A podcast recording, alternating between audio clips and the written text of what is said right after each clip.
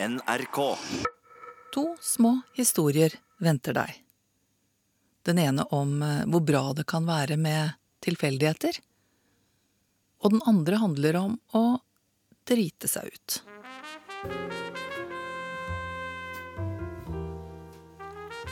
Alt er tilfeldig, sier mange. Og det er jo kanskje den eneste fornuftige måten å se det på. Eller hva om det er noe et eller annet eh, Denne fortellingen gjør at vi begynner å lure.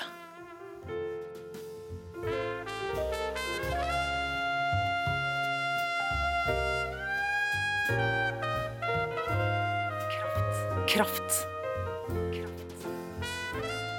Jeg hadde en onkel som het Gunstein, som bodde i Førde. Og han hadde et stort hjerte for flyktninger. Så han kom ofte i prat med nye folk han ikke hadde møtt før. Det er Atle Ottesen Søvik som forteller det. Og jeg liker historier som begynner med at man hadde en onkel som het Gunstein. Det begynte sånn at uh, han kom i snakk med en ung mann som var fra Eritrea. Og de snakka litt om løst og fast. Og så spurte min onkel da om han hadde lyst til å bli med hjem og ta en kopp kaffe, så kunne de prate videre. Og det sa han ja til. Så de gikk hjem da, og min onkel fortalte at han hadde vært i Eritrea en gang. Og da spurte han da hvor denne unge mannen kom fra.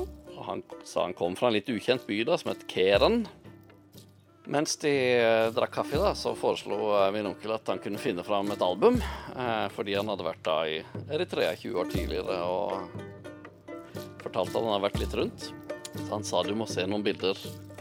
Han fant fram dette albumet mens de satt der med kaffen, og så begynner han å bla litt. Og så sier han ja, der har vi jo den byen som jeg kom fra, sier han unge mannen begeistra. Og han blar videre og får se også den skolen som han gikk på mens han var ung. Og sier se der, den skolen gikk jeg på. Der har vi, Det er til og med han rektoren som var på skolen da. Så han var så begeistra. Så blar han om til neste side, og så sier han Å, der er jo jeg.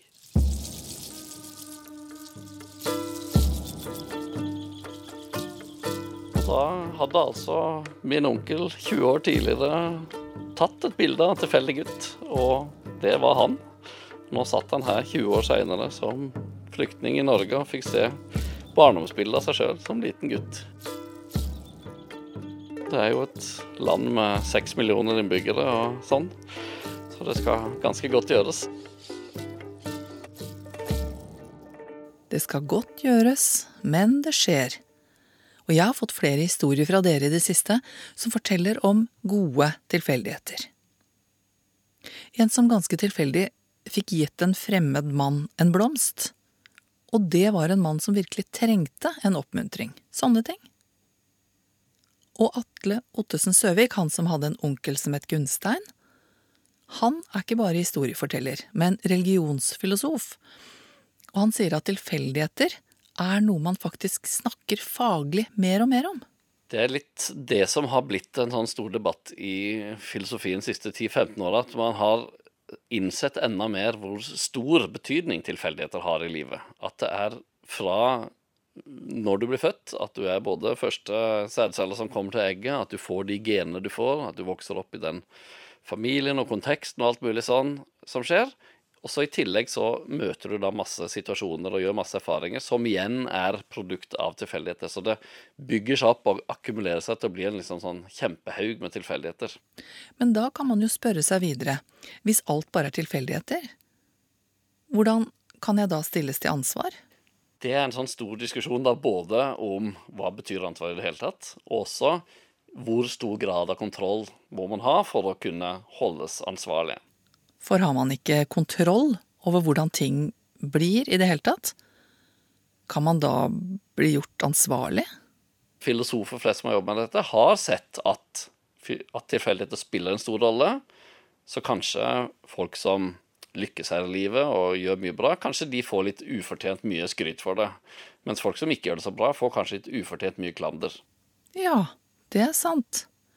For hvis du bare er en oppsamling av gode tilfeldigheter, at alt har klaffa rundt det? er det noe å skryte av? Den store diskusjonen i filosofien er for så vidt ikke om vi har veldig mye frihet og veldig mye ansvar, men mer om vi har litt frihet og litt ansvar, eller ingenting. Dette er kanskje litt kontrast da, til det bildet du får fra media, som er du har stor kontroll og stor frihet, du kan lykkes med å bli hva du vil her i livet, osv. Eh, som da legger opp til at du har veldig stor frihet og kontroll. Mens det mener de færreste filosofer da, som har jobba med det. De tenker enten at vi har ingenting, det mener noen, og stadig flere, eller at vi har litt. Men det er jo en veldig stor og viktig forskjell da, på å ha ingenting eller litt. For så lenge man har litt frihet og litt ansvar, så gir det jo fortsatt mening å holde dem ansvarlige. Og jeg kjenner at hvis jeg ikke skal bli svimmel, så er det best å tenke at jeg har litt kontroll. At jeg ikke bare er en pingpongkule som slås fra den ene til den andre uten mening, og uten min vilje.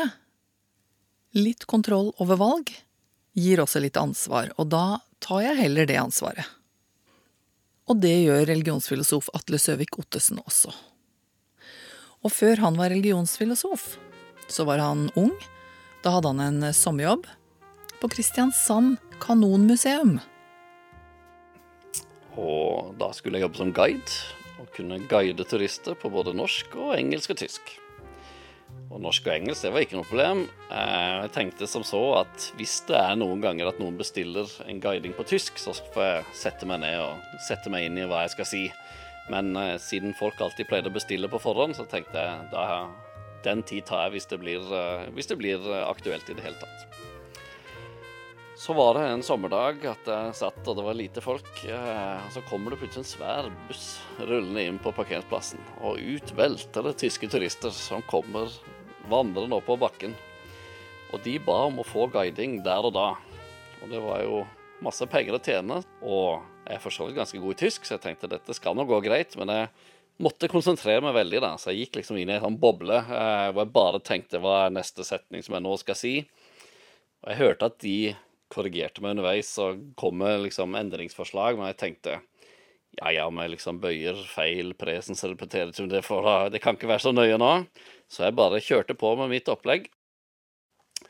Og det som jeg da forteller når jeg har en sånn guiderunde, da, det er at her på Kristiansand kanonmuseum så står verdens nest største landmonterte kanon. Den var det tyskerne som bygde under krigen, og den kunne de bruke til å skyte noen sånne svære granater da, på 800 kilo. 55 km av gårde, som er halvveis til Danmark. Så sto det en tilsvarende kanon på andre side i Danmark, så det dekka liksom hele sundet der, da. Og så forteller det at eh, når de dreiv og skøyt med den kanonen, så var trykket så stort at hvis du sto i nærheten, så kunne du dø av det. Og folk ble bedt om å sette opp både vinduer og dører i flere kilometers omkrets da, for at ikke de skulle knuse av trykket.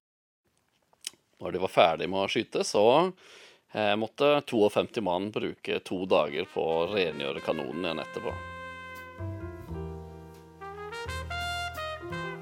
Og dette fortalte jeg altså. Når jeg var ferdig, så sa jeg ja, beklager at det kanskje ble litt stotrende. Eh, og de klappa høflig. Og så kom det en gruppe bort til meg med en gang og sa du, takk for fin guiding, men vi må lære deg noe veldig viktig. Det er nemlig sånn at du konsekvent bytter om scheisen og skisen på tysk. Altså du bytter om drite og skyte. Så du sier at med denne kanonen så kunne tyskerne drite halvveis til Danmark. Og når de gjorde det, så var trykket så stort at om du sto i nærheten, så kunne du dø av det. Naboer ble bedt om å sette opp dører og vinduer i flere kilometers omkrets når de skulle drite. Og når de var ferdig med å drite, så måtte 52 mann bruke to dager på å gjøre kanonen ren igjen.